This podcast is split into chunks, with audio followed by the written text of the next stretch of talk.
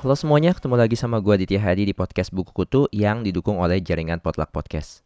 Bagi kalian yang baru pertama kali dengerin podcast ini, podcast Buku Kutu adalah sebuah podcast yang membahas tentang berbagai hal menarik dari dunia literasi, biasanya berupa review buku, obrolan dengan penulis atau penerbit, serta hal-hal lain yang seru untuk dibincangkan di dunia buku. Kalau kalian gak mau ketinggalan informasi terbaru dari dunia buku, langsung aja follow akun Instagram gue di @podcastbukukutu dan akun Twitter gue di @podcastbuku. Kali ini gue mau membahas sebuah buku yang apa ya berisi kata-kata indah yang sekarang tuh lagi populer banget. Buku ini judulnya Kamu Hanya Perlu Pulang, karya Stefani Chandra. Gue tahu Stefani awalnya dari podcast dia, Suara Puan di Spotify, yang yeay sekarang udah eksklusif di Spotify kan. Dia juga ada di Noise sebenarnya, bikin podcast juga, tapi dengan konten yang kayaknya sedikit berbeda. Isinya secara umum adalah kata-kata indah kayak puisi gitu, kayak pembacaan puisi. Di Instagram juga dia cukup terkenal dengan akun kata.puan. Followernya udah banyak banget. Makanya ketika dia bikin buku, gue tertarik buat baca. Buku ini terbit awal tahun 2020 ini, jadi masih baru banget. Tebelnya nggak gitu tebel, cuma 150-an halaman. Jadi baca sekali duduk juga bisa gitu. Sampulnya juga menarik, putih bersih dan ada kayak semacam gambar di tengahnya yang menarik banget. Secara umum buku ini mengangkat tema tentang cinta, kasih sayang, dan segala hal lain yang meliputinya, termasuk kekecewaan. Buku ini menurut gue sedikit beda dari buku-buku yang berisi kata-kata indah, kata-kata puitis pada umumnya, yang biasanya tuh cuman kumpulan kata-kata, kumpulan puisi aja yang kadang-kadang random aja gitu penulisnya masuk-masukin. Atau dipilih satu tema kemudian dikumpulin puisi-puisinya itu di dalam tema tersebut. Tapi buku kamu hanya perlu pulang ini menurut gue lebih terstruktur. Jadi buku ini terbagi menjadi tiga bagian. Yang pertama adalah kamu adalah sementara aku. Yang kedua yang tak sempat yang belum terpikirkan yang belum berani diutarakan dan yang ketiga berjudul aku ingin uniknya di tiap bagian itu ada cerpen alias cerita pendek di awalnya jadi seperti menjadi intro atau pembuka dari bab tersebut atau chapter tersebut dan kemudian diikuti oleh kata-kata indah yang ada kaitannya dengan uh, topik utama dari chapter itu. Contohnya di bagian pertama, kamu adalah sementara aku. Di sini Stefani Chandra memulai dengan cerpen yang berkisah tentang seorang ibu yang kembali datang ke kehidupan anaknya secara tiba-tiba. Di sini penulis berusaha bermain opini tentang subjek dan objek seperti judulnya, kamu adalah sementara aku. Jadi aku itu kan biasanya sebagai subjek dan kamu itu adalah sebagai objek. Dan di sini dia berusaha menjelaskan hal-hal yang sifatnya nyata, tapi ada juga yang sifatnya kayak analogi gitu. Bagian kamu adalah sementara aku ini adalah bagian favorit gue. Nanti akan gue jelasin kenapa gue suka banget sama bagian ini. Dan yang kedua, bagiannya judulnya yang tak sempat, yang belum terpikirkan, yang belum berani diutarakan. Bagian kedua ini bercerita tentang kekhawatiran yang perlu diutarakan oleh macam-macam manusia yang kalau dipendam terus ya nggak akan menjadi apa-apa menurut gue. Dan bagian ketiga itu judulnya Aku Ingin.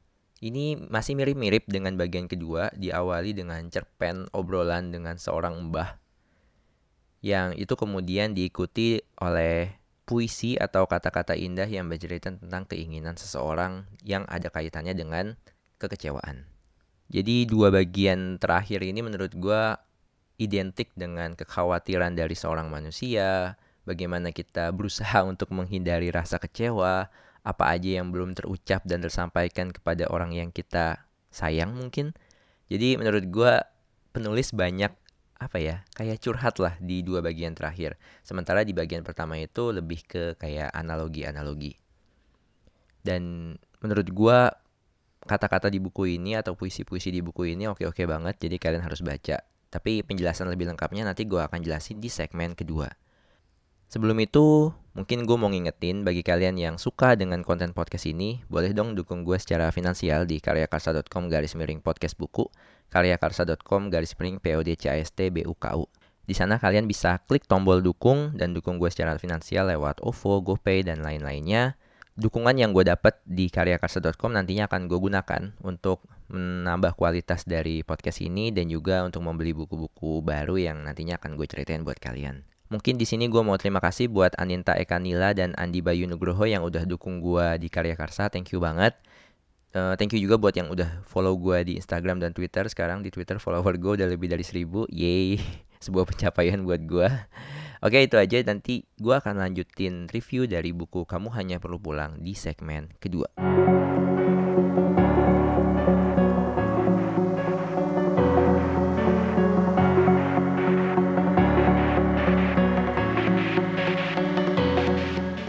Untuk buku Kamu Hanya Perlu Pulang karya Stefani Chandra ini gue bisa ngasih 3 dari 5 bintang.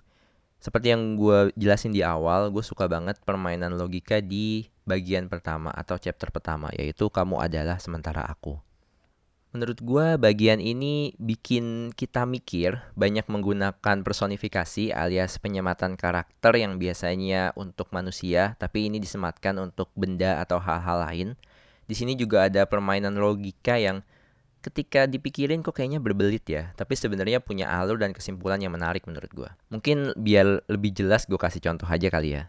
Yang pertama, kau adalah kata-kata yang membasahiku dengan hujan bulan Juni milik Sapardi Djoko Damono.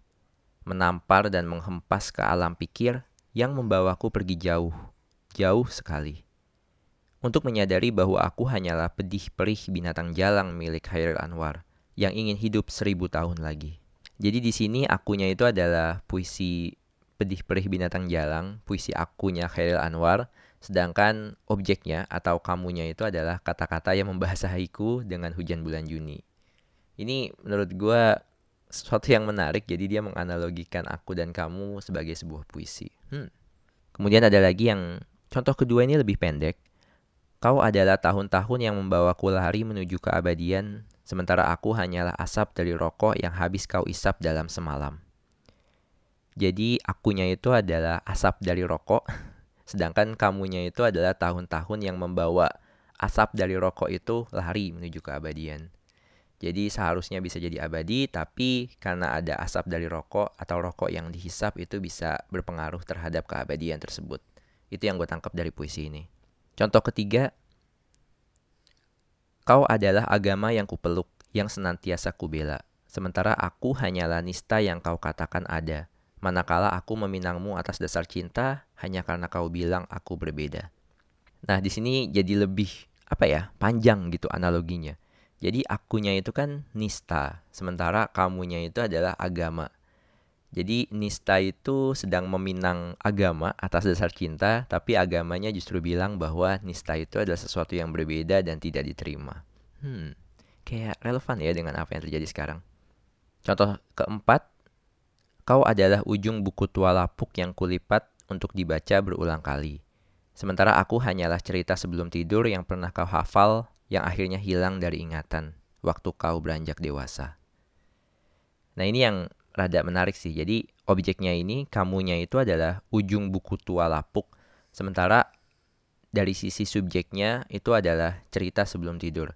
Jadi ceritanya kalau analogi yang gue tangkap adalah ujung buku tuanya itu menghafal cerita sebelum tidur tapi kemudian ketika si ujung buku tuanya menjadi dewasa dia lambat laun lupa akan cerita sebelum tidur itu. Mungkin lebih lanjut kalian silahkan baca buku ini dan memaknai sendiri kata-kata yang ada di dalamnya. Gue saranin buat baca lebih dalam bagian pertamanya yang berjudul Kamu Adalah Sementara Aku karena menurut gue tuh oke-oke banget sih. Beberapa hal di situ menurut gue gue merasa rada susah menganalogikannya ini sebenarnya kayak gimana, tapi mungkin emang sang penulis tuh pengen membuat itu jadi apa ya multi tafsir jadi banyak makna yang bisa dikeluarkan dari situ jadi penafsiran orang bisa jadi berbeda-beda dan lebih luas lah jadi pengertian dari buku ini dan menurut gue itu hal yang oke sih Selain itu gue juga suka buku ini karena banyak menggunakan kata sehari-hari, jadi nggak banyak pakai kata-kata dewa. Menurut gue jadi berasa banget kehangatan yang berusaha ditunjukkan oleh penulis Stefani Chandra di buku ini. Terkadang emang kurang ngena, terutama hal-hal yang nggak relevan dengan kehidupan gue, tapi overall cukup oke, okay, cukup bisa diterima. Gue bisa melihat bagaimana sang penulis ini apa ya kayak berusaha berubah, bermetamorfosis, melakukan peca melakukan pencarian jati diri sepanjang buku ini, kayak kita bisa menyelami kehidupan dari Stephanie. Gue nggak tahu ya ini kehidupannya sebenarnya atau yang emang dia pengen tunjukkan, tapi kelihatan banget di buku ini bagaimana perjalanan yang dia berusaha lalui. Oh ya, selain itu ilustrasi di dalam buku ini juga oke okay banget, keren-keren, menambah kesan. Kan buku ini kayak black and white gitu ya, hitam putih. Jadi kesannya kayak gotik-gotik gitu. Menurut gue sesuai banget dengan tema utama dari buku ini yaitu kekhawatiran, kekecewaan, kemudian harapan dan semacamnya. I think that's all review gue tentang buku Kamu Hanya Perlu Pulang karya Stefani Chandra. Kalian bisa cari sekarang di toko buku terdekat. Kalau toko buku belum buka, bisa di toko buku online juga. Jangan lupa buat follow podcast ini di Spotify, Google Podcast, atau Apple Podcast. Selain itu, podcast buku kutu juga bisa kalian nikmati di YouTube. Caranya langsung aja buka kanal Potluck Podcast dan cari konten yang ada judulnya Buku Kutu.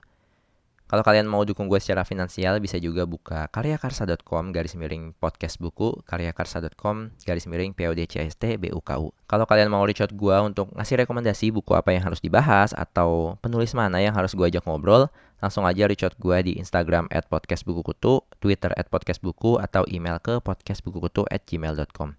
Jangan lupa juga untuk beri dukungan bagi jaringan Potluck Podcast. Caranya follow aja akun Instagram at Potluck Podcast. POD LUCK POD CST. I think that's all. Thank you for listening. See you and ciao.